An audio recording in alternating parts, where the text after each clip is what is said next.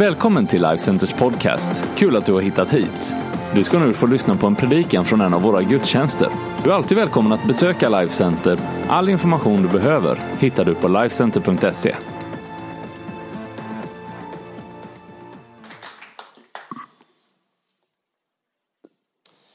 Det är ju trevligt att, komma till eh, Västerås. Jag brukar vara här i jämna mellanrum. Senast var det väl 14 år sedan, tror jag.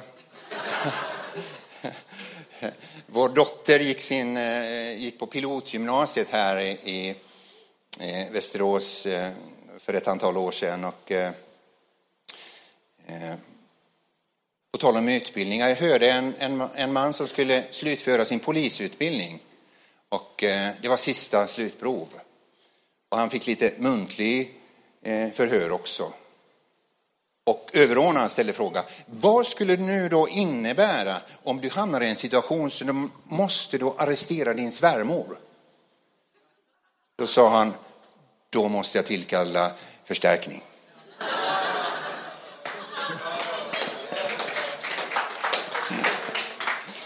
Det är så att jag är ju ingen predikant och jag kan inte predika, men jag ska hålla ett tal istället. Är det okej? Okay? Men jag ska hänvisa till Bibeln. Det, det, är fantastiskt. Det är inte så ofta när jag, när jag föreläser i olika sammanhang. Det första uppgiften för mig är att väcka folket då kanske för att de har ja, varit lite halvdåsiga eller sådär, eh, inte på G. Men det är så fantastiskt roligt att vara, vara här. Och eh, underbart att möta då, eh, PJ och Lika också. Det, det, vi hade en väldigt fin middag igår kväll och pratade om gamla tider och så, så vidare. Otroligt. För ett par år sedan så blev jag faktiskt tillkallad till en kyrka någonstans i Sverige. Det var någon konsult som var där och skulle hjälpa dem vidare. Och så sa, kan inte du ha en liten föreläsning om, om ledarskap? Och jag kom dit eh, på kvällen, eh, lite mindre samhälle, kom till kyrkan och tänkte, nej men det, nu måste jag ha kommit fel för att det var nedsläckt överallt. Men jag öppnade dörren, jo dörren var öppen ändå. Eh, kyrksalen var nedsläckt och så vidare, men det lyste nere i källaren i alla fall. Det första jag noterade, doften av damm. Och jag tänkte, de sparar på, på, på el här också då, för att det var småkyligt. Jag tänkte, det är nog ingen idé att ta av sig jackan. Nere i källaren så mötte jag det här ledargänget och så vidare och, och uh, försökte peppa upp dem och inspirera dem och så vidare. Och så sa, du som har jobbat med ledarskap eller jobbar med ledarskap i ditt företag, du kan väl ställa upp i din kyrka och göra någonting? Nej, det har jag inte tid med. Och någon annan då liksom, du skulle kunna göra så här, eller vad säger du, du har ju den förmågan, talangen till det här. Nej, det orkar jag inte, det får någon annan ta vid. Trots allt efter det när jag hade talat så du måste komma tillbaka, du måste du måste möta hela kyrkan för att tala om för dem att de behöver ändras. Mitt svar var, glöm det. Motivationen kommer inifrån. Kom ihåg det, du, det är ingen som kan motivera dig, det kommer alltid inifrån. Om du ska göra förändring i ditt liv så är det du själv som behöver göra det. Så, så eh, en, ett bibelord som är jätteintressant, om vi, eh, där. Det är ett bibelord ska jag ge er. Och det tycker jag att du ska verkligen ta till dig det. Fantastiska är att ju mer forskningen eller då hjärnan eller vårt beteende går framåt märker jag, desto närmare kommer vi till Bibelns ord. Eh, jag är medlem i eh, Internationella associationen för positiv psykologi och följer utvecklingen en hel del. Och eh, på tal om våra döttrar, min yngsta dotter är ju en, av, en min kollega och eh, vi jobbar tillsammans i ett av bolagen, Leadership Power. Och eh, fantastiskt duktig just när det gäller den delen. För vid millennieskiftet nämligen så kom vetenskapen fram till någonting intressant. Att hjärnan är plastisk. Det kallas för neuroplasticitet neuroplasticitet. Det innebär att eh, du kan inte längre skylla ifrån dig och säga att min pappa var sån. Eller min farfar var sån. Eller det ligger i släkten. Eller jag har blivit uppfostrad sån. För att hjärnan ändras utifrån vad du fokuserar på och vad du tänker på. och hur du agerar, hur du använder din kropp, vad du stoppar i dig och hur du, hur du agerar, så, så påverkar, påverkas det gärna. Och det är det som är så fantastiskt också. Du behöver inte skylla ifrån dig, men det finns hopp för dig som är den här surpuppan. Vi har runt 80 muskler i ansiktet, de flesta är arbetslösa. Så prova på att använda ditt ansikte på ett annat sätt. Titta på din granne där och prova på att le till exempel. Okej, okay det finaste leendet. Så vad vi läste innan, gled er i Herren faktiskt. Det var inte någon känsla efter, liksom att känn efter hur det nu var. Utan det är en verb, att göra någonting. Det är väldigt intressant. Oavsett hur du känner så kan du göra någonting annorlunda. Eh, forskning, alltså en, en, en man eh, Eh, inom positiv psykologi, en av de herrarna som startade eh, alltså internationella associationen för positiv psykologi. Han hette Martin Seligman, eller han heter det fortfarande. Och eh, han studerade på 60-talet och i början på 70-talet någonting som kallas för inlärd hjälplöshet. Han insåg att vi kan lära oss bli, att bli hjälplösa själva. Att, att bara då eh, bli väldigt duktiga på det. Du känner säkerligen någon som är sån. Från hjälplöshet till hjälplöshet och så vidare. Och det är väldigt mycket, är det faktiskt. Det handlar, när man tittar på kyrkorna, så det är en, en liten procent, min hustru som är mycket klok människa, hon brukar ibland säga till mig, och det är nog 10 procent andlighet och 90 procent psykologi. Och jag håller med om det faktiskt. Om du kommer till en kyrka och möter en människa och säger ah, det är svåra tider och det är jobbigt och det är svåra tider. Om du möter samma människa efter fem år, vad säger den människan? Jo, det är svåra tider, det är jobbigt och det är svåra tider. Och så i samma kyrka möter du en annan människa och säger, åh det är så fantastiskt, det är så underbart och fint. Kommer du tillbaka efter fem år, vad säger den människa? Och det är ännu mer fantastiskt, det är så underbart. Innebär det här, i min mening, som inte är då expert, som du kanske är med, att, att Gud tänker liksom, den ska jag vara lite gladare, här ska det vara en lite sur, en sådär. Nej, det beror på dig. Så det är kanske dags för dig som har varit lite sur att okej, okay, jag ska nu försöka testa något annat i mitt liv. Martin Seligman, han tänkte, kan man vända på detta? Kan man ändra på ett annat sätt? Och finns det någonting som man kan lära sig, alltså inlärd optimism? Och han, han, han insåg, så är det faktiskt. Du, vi är, ingen är född optimist. Ingen är född optimist.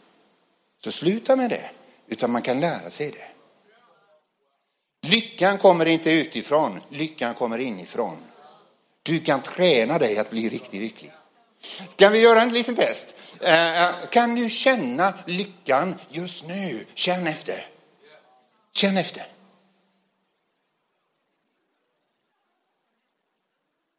Oj, om ni såg era ansikten. Härligt. Avslappnat och mungiporna gick upp och blicken någonstans i fjärran. Eller så kanske någon tittar på grannen bredvid där, liksom, som, så, så, eh, eh, vad det nu än är då. Eh, och han märkte då, eh, Martin Seligman tillsammans med en annan underbar man som heter Mikhail Csikszentmihalyi, pappan till Flow.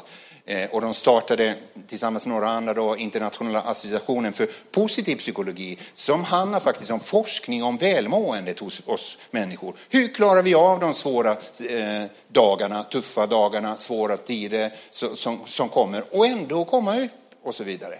Och de hittade fem olika aspekter då för när det då välmåendet. Det första är positiva emotioner. När du boostar upp dina positiva emotioner så börjar din hjärna jobba på ett bredare perspektiv. Det finns till en till forskare som jag, som jag citerar, Barbara Fredriksson, som har jobbat över 25 år inom det här området. Eh, titta på att eh, vi pratar mycket om fysisk träning, vi pratar mycket om mental träning, men väldigt sällan om, om emotionell träning. Vilket är rätt viktigt. Så när du boostar upp dina positiva emotioner så hjälper du din hjärna, alltså det är en friskvård för din hjärna. Det andra handlar om engagemang. Och det är det helt otroligt alltså, eh, vad viktigt det är. Om du gör välgärningar, om du ställer upp i, i en kyrka eller någon, någon annanstans så, så är det väldigt eh, eh, bra för din mentala hälsa. Det är otroligt viktigt. Det är, det är forskningsbaserat. Tre, det handlar om relationer.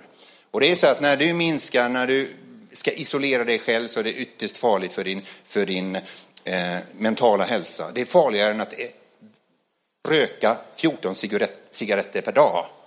Alltså isolera sig från andra människor. Så du behöver dagligen, även om det inte är att du ska ha en jättestor gäng med djupa vänner, men, men kontakter med andra. Och testa det när du möter någon annan. Le extra leende, liksom lite till och så håll din ögonkontakt ett par extra sekunder även om det känns riktigt scary. Så testa det nästa gång får du se hur du växer själv. Och det fjärde, mening. De människor som upplever mening i sitt liv, de mår mycket bättre. Det finns vissa forskare påstår, bland annat Mark, Mark Waldman påstår att om du tror på Gud, och det här är intressant, du som inte tror på Gud, så ska jag tala om för dig, även om inte Gud fanns så är det väldigt nyttigt för din hjärna. Forskarna har kommit fram till att du förlänger snittet, eh, eh livslängden med 6 till 7 år. När du tror på Gud. Men, ett viktigt men där, om du tror att Gud är en straffande Gud som straffar dig så fort du gör något fel, då är det farligt för din hjärna. Men om din tro på Gud är att du tror på Gud som en älskande eh, eh Gud som förlåter dig och upprättar dig och, och omfamnar dig, då är det nyttigt. Då i, i snittet så höjer vi livslängden mellan 6 till 7 år. Det det är väl inte dumt det? Och det sista handlar om eh, accomplishments eller achievements, att, att nå mål att göra någonting vettigt och känna sig stolt. Nu har jag gjort någonting riktigt bra. När jag var liten så, så, så hade jag inte så många leksaker, men jag hade förstoringsglas. Eh, vi var ju åtta barn i familjen då liksom och jag, då kan man inte önska sig iPad, framförallt för att det fanns inte någon iPad då. Men i alla fall förstoringsglas. Och jag använde förstoringsglas för att studera myror och det var fantastiskt fint. Eh, då, I närheten av där vi bodde så var det myrstack och jag fokuserade på myror och de blev så stora som flodhästar. Och eh, som tur var för mig så blev de inte flodhästar utan de var fortfarande myror. Men i min hjärna, alltså mitt, jag såg dem mycket bättre. Min tid som myrforskare tog rätt snart slut. Jag blev mer och mer intresserad av hur människor beter sig och så vidare. Och konstaterade faktiskt, och jag har konstaterat alla dessa år, vad vi fokuserar på, det blir större. Vad vi fokuserar på, det blir större. Antingen så handlar det om problem, bekymmer eller elände, eller så är det tacksamhet och glädje och, och, och framtid. Vad är det du fokuserar på? Du kan alltid välja vad du fokuserar på. Eh, hjärnan är ju en fantastisk apparat. Vi har ungefär 60 000 tankar per dygn och utav dessa då är ungefär 90, över 90 procent gamla tankar. Så vi är väldigt duktiga på att återvinna, men tyvärr så återvinner vi, och precis exakt, skräp väldigt duktigt här inne i huvudet. Det mesta är av negativ karaktär då liksom. Och eh, eh ungefär 100 miljarder neuroner som samarbetar. I och för sig lite med en nypa salt. Det finns en brasiliansk forskarinna som kom fram till att det är 86 miljarder neuroner. Man, man, man kokar ner hjärnan och så räknar man, gör en soppa. Och så, jag vet inte, jag ska inte citera hur man gör det. Men i alla fall, hon kom fram till 86 miljarder neuroner. Men hon forskade bara med männens hjärnor. Så att ja, jag håller det 100 miljarder, det är nog kvinnornas hjärnor. Så att eh, ungefär 400 miljarder kopplingar per sekund. Du är fantastisk. Du är fantastisk. Och det är, hjärnan är extrem, den lurar oss väldigt ofta. Vi tittar på den här bilden då, nästa bild får vi se. Om du fokuserar på din blick på den här pricken på näsan på den här kvinnan, 10-15 sekunder, och så flyttar du din blick till det vita området, får du se vad som händer.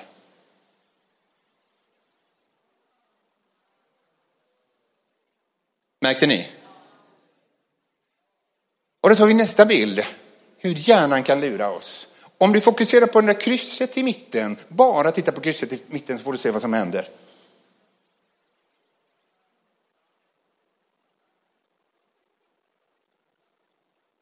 Nu är det lite långt borta då, men det är ofta om du tror att det är en grön boll som snurrar runt där så är det inte verklighet. Om du tror att de andra bollarna försvinner också, det är inte heller verklighet.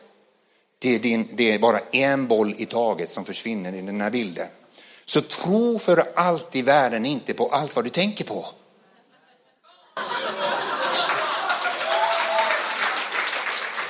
Ibland är det dina tankar och känslor, eh, som liksom, det, det, det, det, det lurar dig väldigt mycket. Så nummer ett, det finns tre steg som kan föra bort dig från ditt riktiga, ditt sanna, ditt eh, riktiga, eh, verkliga jag. Nummer ett, det är bekymmer. Vi är väldigt duktiga på att bekymra oss.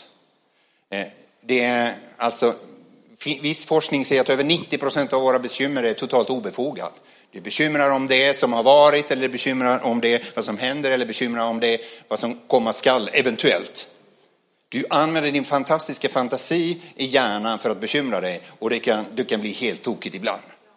Och vi bekymrar oss. Faktiskt, jag hade bekymmer då när jag skulle komma hit och tänkte, vad ska jag ta på mig? Så jag till, till Ann då liksom. För att för 25 år sedan, där då borta när vi, när vi var i Huskvarna då, då såg ju frikyrkopastorerna ut som sådana börsmäklare.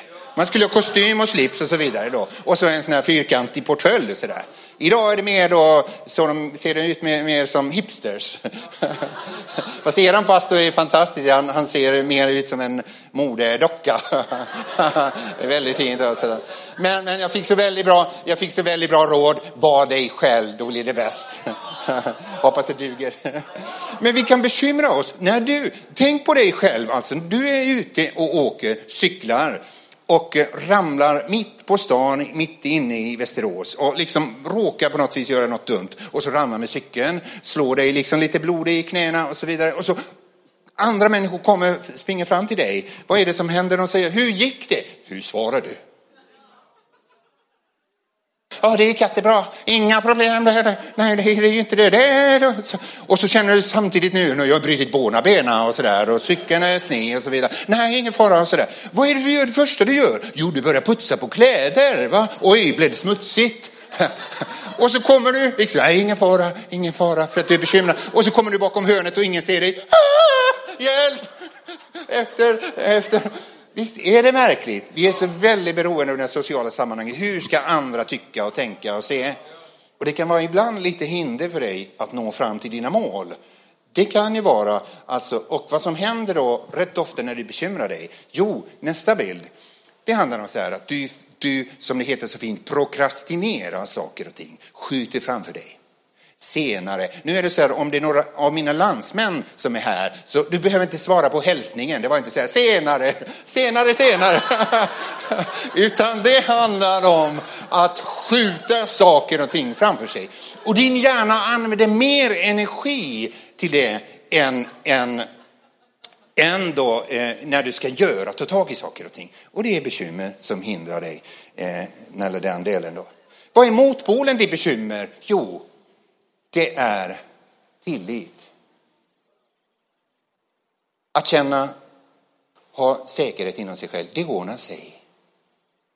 Jag mötte en av våran, vi bor på en liten ö, en, en, en kille som vi, som vi sa att vi har röstat dig till, till öns gladaste människa. Han är entreprenör, väldigt duktig företagare och han är alltid glad och så vidare. Och han sa, ja, sa han, tycker du det? sa han. Och visst, och sa, men jag har min egen devis. Ja, Även när det skiter sig så blir det bra till slut ändå. Han hade så, så, så, sån tillit i framtiden. Alltså tänka, det ordnar sig.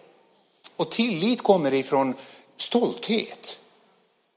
Ska vi göra en liten övning? Är det okej? Okay? För att ni är ju väldigt fria här i kyrkan. Så vidare. Ställ dig upp och se ut som stoltaste, om du är en stoltaste femåring, precis. Titta på varandra och visa hur stolt du är. Riktigt stolt.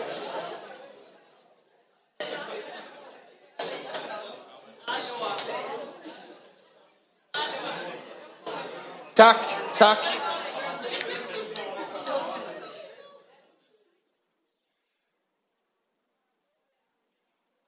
Det intressanta är, vad är det som händer i din hjärna när du använder din kropp på ett annat sätt? Det blir en helt annan effekt. Amy Curry, en forskare i Harvard tillsammans med sin kollega, började forska i detta. Hur är det med, med kroppsspråket? Och, och de kom fram, redan tidigare har de kommit fram att man kan med hjälp av kroppsspråket ungefär läsa hur en människa då, eh, tänker eller känner inom sig själv. En deprimerad människa kan man se med, med hjälp av kroppsspråket, eller hur? Hur ser en deprimerad och ledsen människa ut? Blicken var någonstans? ner. Tonaliteten, ner, eller hur? Det är ingen som säger, jag är så deprimerad. nej, nej, utan det är väldigt nere så är det. Och, och kroppsspråket, axlarna och så vidare och rörelserna väldigt stela. Och de tänkte så här, tänk om man skulle ändra, om man ändrar på kroppsspråket, kan det påverka vår hjärna? Och så började de studera och kom fram, yes, så är det. Bland annat, kom, alltså det, det är omfattande, hon har, det finns en bok på, även på svenska som har kommit, Närvarande heter den tror jag, eh, Amy Curry. Gå in på nätet och sök, inte nu men sen på nätet, sök på TED Talks, Amy Curry, Body Language, får du se på något fantastiskt intressant i alla deras, eh, deras studier. Till exempel, om du nu använder så kallad power pose, ser ut som en stålkvinna eller stålman och har äh, liksom händerna vid höfterna eller upp, armarna upp, vilket jag använder ofta i många sammanhang. Under två, tre minuter så börjar din hjärna jobba på ett annat sätt. Bland annat kortisol som är stresshormon, den sjunker rejält. Testosteron är uppe och adrenalinet är uppe. Så istället för att vara nervös inför en uppgift, och jag har gett det för många råd när de har haft anställningsintervju, när de har haft lönesamtal eller svåra samtal eller stått inför publik och så vidare. Innan du går in så håll upp armarna två, tre minuter. Du behöver inte känna för det heller så börjar din hjärna jobba på ett annat sätt. Och du framstår som mer attraktiv, mer säker, mer lugn och mer, mer tilldragande. Bara så här. Jag tycker det är rätt häftigt, det står Bibeln, att lyfta upp era händer. Du behöver inte känna för det. Du behöver inte känna för det. Utan Använd det bara så här så får du se att, att din hjärna jobbar och din rädsla och dina bekymmer försvinner. Det är otroligt viktigt. Vi tar nästa bild. För att det är tillit, tacksamhet, stolthet är liksom, hur är det med ditt fokus idag? Vi pratar om mental ohälsa och en av de faktorerna, eller ungdomar som vi sagt, det, är, det, det 2008 blev en, en revolution och vi skapade då en beroende tyck, mig, tyck om mig-beroendet som finns där. Liksom. Hur många likes, vem är det som tycker om mig och så vidare. Och, och eh, i somras så talade jag, hade föreläsning i Oslo för ett läkemedelsbolag och jag nämnde till dem att vi tittar på telefonen ungefär i snitt 100 gånger per dag. När jag satte mig på flyget tillbaka till Alicante så satte jag på nyheter från Norge. Då intervjuade de norska forskare som hade precis kommit fram till resultat, det är 150 gånger per dag. När du blir avbruten av någonting, vet du hur lång tid det tar för dig att komma tillbaka till fokus? 23 minuter och 15 sekunder. Då undrar jag, när har du fokus? Lite tips. Ni har i iPhone sån här skärmtid. Börja ha fasta, skärmtidsfasta får du se vad som händer med dig. Det innebär inte att du, behöver inte, att, att du inte ska vara med på sociala medier eller skriva eller så här liksom. Men att om du minskar den tiden så börjar din hjärna må lite bättre. Det finns dock en annan insikt också när det gäller ungdomarnas eh, hälsa då. Det handlar om den så kallade psykologiska motståndskraften som har sjunkit i, i, rätt så rejält i, i senaste tiden.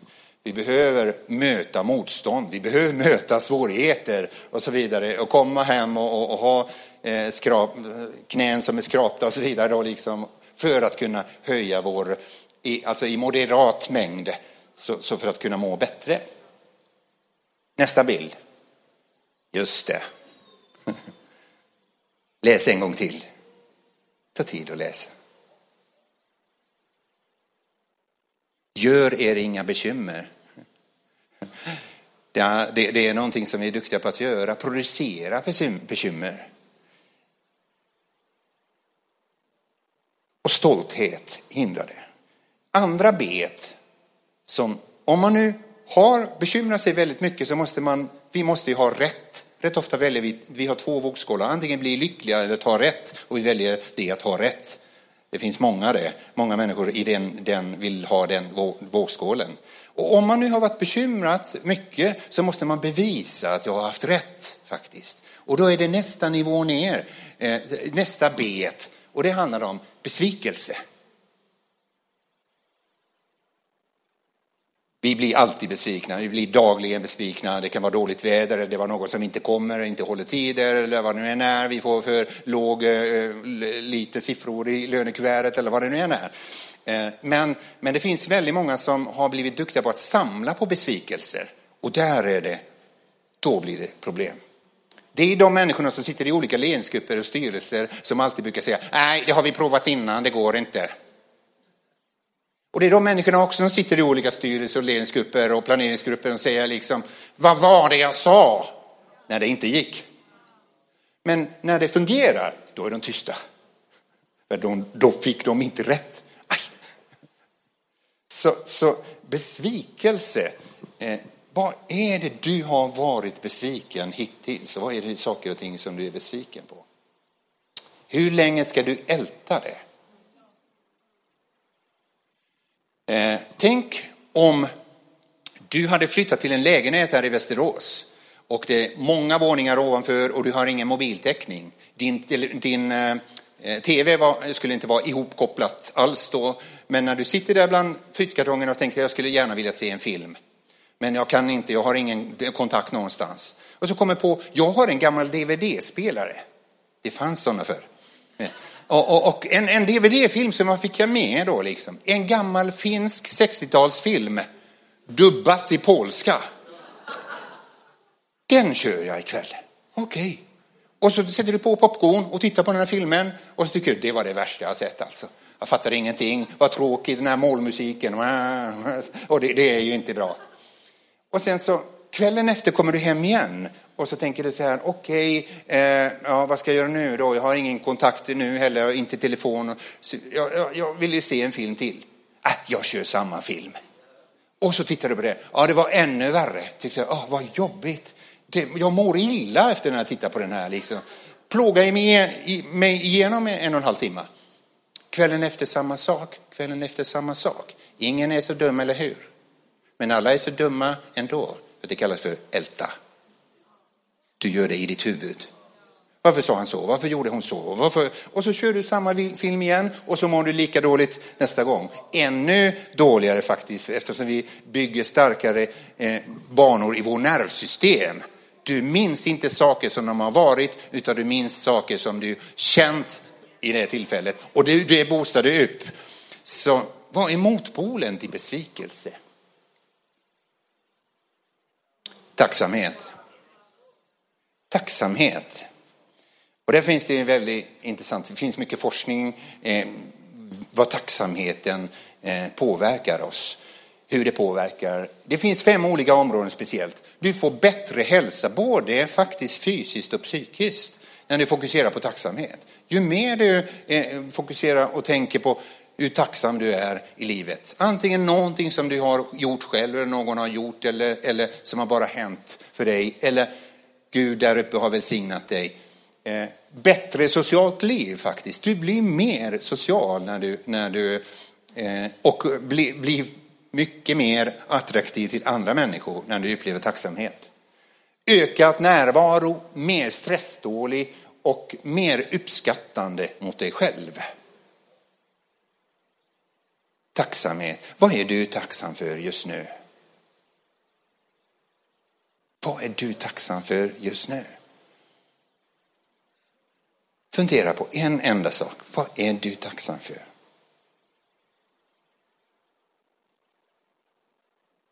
Marin Seligman eh, kom fram med sitt team med en fantastisk övning och jag ska ge det till dig just nu.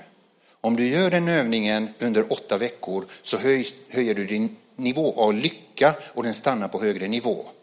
Men det är du inte intresserad av. Nej, då går vi vidare. Eller kanske. Men det är så enkelt.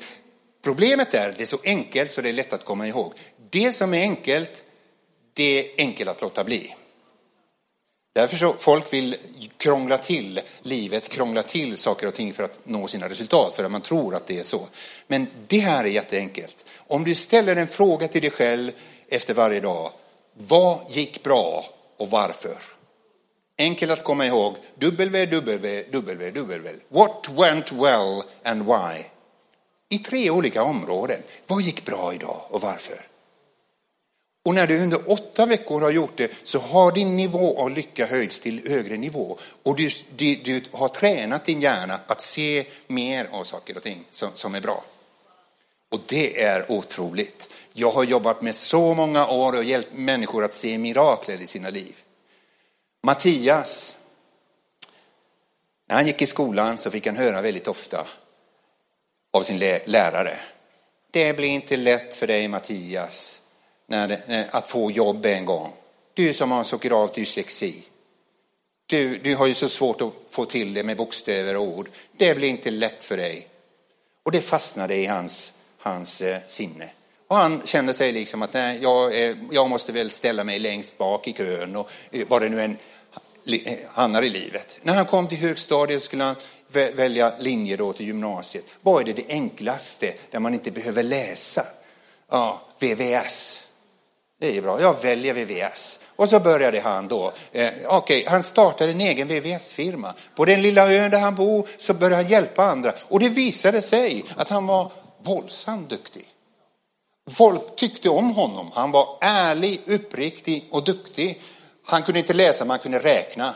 Och det visade sig att han var väldigt mycket, han var en businessman. Jag kom in i hans liv för, kan det vara tre år sedan, tre och ett halvt år sedan. Och eh, alla dessa år så har han fördubblat sin, inkom, eh, sin omsättning i bolaget. Han köpte ett nytt bolag eh, förra året och, fördubblade omsättningen där. Nu är han inne på, hans mål är nu då niosiffrig då, omsättnings... Och, det, och jag har sagt till Mattias, du, du ska gå tillbaka till din lärare. Och så, så gå till honom. Och så ska du tacka. Tack snälla för rådet. Jag kommer aldrig söka jobb. Jag anställer istället. Han upplever då tacksamhet, tacksamhet, fokuserad tacksamhet. Ja, det är fantastiskt. Och han har sagt att jag har gått ifrån att trots mitt handikapp till på grund av mitt handikapp. Du har kanske ett antal handikapp som du räknar i ditt liv, vad det nu än är. Du tycker inte du är snygg nog eller du är inte duktig nog eller du, du har inte kunskap nog. Använd det till din styrka. På grund av detta, det finns mening, det finns plan för mig i mitt liv och jag kan göra mitt liv till ett mästerverk. Så är det. Eh, nästa bild. Ja, oh, känner du igen det här? Läs.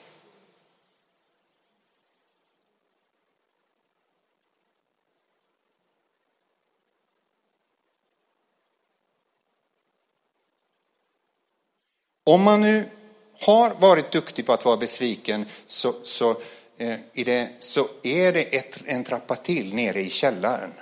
Och eh, den trappan heter bitterhet. Människor som har varit ofta besvikna, duktiga på att samla besvikelser, så det är väldigt lätt att det, det, alltså man drabbas av bitterhet. Det är som cancersvulst som växer sakta men säkert inom sig själv och, och, och det, det, är svårt att hejda. Eh, jag mötte, alltså, det, ni är säkert träffat och vet kanske eller känner till bittra människor. Och det är inte så trevligt. Alltså man, man, man, de behöver inte ens öppna munnen för att man känner liksom att här är inte riktigt, allting är inte bra. Det, det, jag mötte en gång för många år sedan så åkte jag hiss och så kom det en kvinna in i hissen och jag kände så väldigt starkt att, eh, att det här var en riktig bitter människa. Jag tänkte, jag var nästan frestad att fråga liksom, ursäkta, men är du bitter? Jag tänkte, jag hinner inte ducka där för att det var så kort avstånd. Men, men, men så är det. När du hamnar där så är det väldigt svårt. Bittra människor kan inte se eh, någonting annat utan det är fel på allt och alla. Det är fel på samhället, det är fel på systemet, det är fel på andra människor som har behandlat mig illa. Alla är vi med om det, att andra har behandlat oss illa och dåligt. Det är så faktiskt. Och det hjälper dig inte alls att bli bitter. För att det är som att dricka gift och tro att någon annan ska dö. Det drabbar bara dig själv, din bitterhet. Det är faktiskt eh, så motpolen till bitterhet, det är glädje. En glad människa kan inte vara bitter, eller hur? Väldigt svårt. Och en bitter människa kan inte vara glad. Och som sagt, glädje, det handlar ju om då eh, uppmaning, verb, att göra någonting. GTS, glad, tacksam och stolt. De frågorna börjar med varje dag i mitt liv. Vad är jag glad över? Vad är jag tacksam för? Vad är jag stolt? GTS, det är lätt att komma ihåg. GTS. Starta varje dag med att fråga dig själv, Eh, utöver när du har på kvällen ställt frågan vad gick bra och varför. Starta dagen med vad är jag glad över? Fundera, vilka saker gör mig glad? Vad är jag tacksam för? Vad är det som, som gör mig tacksam? Och vad, vad är jag stolt för? Kommer du se att det blir, då kommer det att bli en skillnad. Det kommer bli otrolig skillnad i ditt liv. Sakta men säkert kommer du bygga upp den mentala motståndskraften. Så eh, ja, tillbaka till, eh, eh, till nästa bild. Ja, just det. Ska vi göra en, en till övning då, liksom, precis i slutet, av, avrunda med det. Ställ dig upp.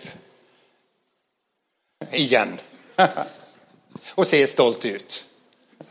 Och så testar vi också det här med kroppsspråket. Antingen så håller du armarna vid höfterna eller så upp med armarna. Välj vilket då, sån här power pose. Och så säg efter mig. Jag är unik. Och värdefull. Och jag älskar mig själv. Och förlåter mig själv. Så som Gud har förlåtit mig. Och jag har allt vad som krävs för att göra mitt liv till ett mästerverk. Tack. Varsågod och sitt. Så jag hoppas att vi börjar också ändra ditt språk till dig själv. Avrunda med ett ord. Alltså vi brukar använda ett ord som har ändrats i svenska språket. Det är ordet typiskt. Förr i världen betydde ordet typiskt att det var likvärdigt någonting annat, eller hur? Idag säger vi, det var väl typiskt. När då? När något negativt hände, eller hur? Du programmerar din nervsystem om du säger typiskt, det var väl typiskt tre gånger per dag, det blir tusen gånger på år, per år, det blir tiotusen gånger på tio år. Du har programmerat din hjärna och säger att allt som är negativt, det är typiskt mig. Utmaning! När du hittar parkering, när du hittar kortaste kön, när någon ger dig kram eller, eller någon ger dig eh, löneförhöjning eller någon ler mot dig. Knyt näven, le med hela ansiktet och säg typiskt mig. Typiskt mig. Tack.